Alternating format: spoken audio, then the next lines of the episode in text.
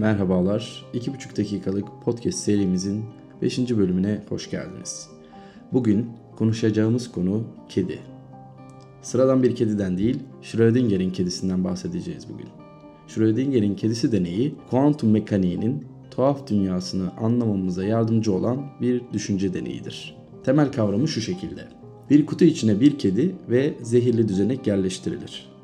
Ve kutunun kapağı kapatılır. Zehirli düzeneğin her an zehri bırakma ihtimali vardır. Bu durumda kutu açılıp gözlem yapılana dek kedi hem canlı hem de ölü olabilir. Bu deney bir düşünceden ibarettir ve ortaya atılması sürecinde hiçbir kedi zarar görmemiştir. Kuantum fiziği gözlemcinin varlığının ve bilincinin bir şeyin gerçekliğini şekillendirebileceğini öne sürer. Yani bir şeyi gözlemlememiz onun var veya gerçek olduğu anlamına gelebilir. Düşünün ki ormanın içinde yürüyorsunuz ve ağaca dokunarak veya kuşları duyarak onların varlığını hissediyorsunuz.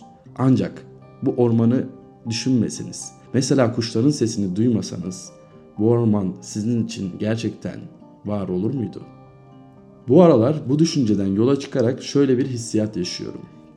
Yürüdüğüm yollar, gördüğüm ormanlar, duyduğum kuşlar, kullandığım bilgisayar benim için ve benimle var. Benliğimiz ve duyu organlarımızla varlığını hissedemediğimiz veya deneyimleyemediğimiz bir dünyanın bizim için bir ifadesi var mıdır? Hayatta sınav sonuçları, hastanede yaptırdığımız bir testin sonucu, ailemizden gelen bir haber gibi bazı kutuları açmak ve bazı gözlemleri yapmak zorundayız.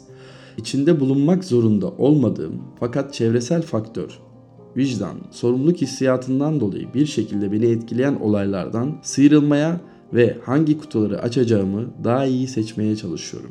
Bizimle alakası olmayan fakat bir şekilde kendimizi sorumlu veya zorunlu hissettiğimiz bazı hayat olaylarına dahil olmamanın, bazı şeylere bana ne ya demenin mutluluğumuza katkıda bulunabileceğini düşünüyorum.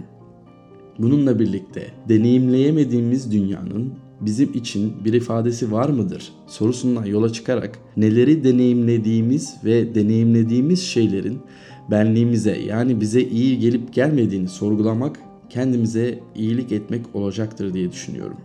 Dinlediğiniz için teşekkürler. Bir sonraki bölümde görüşmek üzere.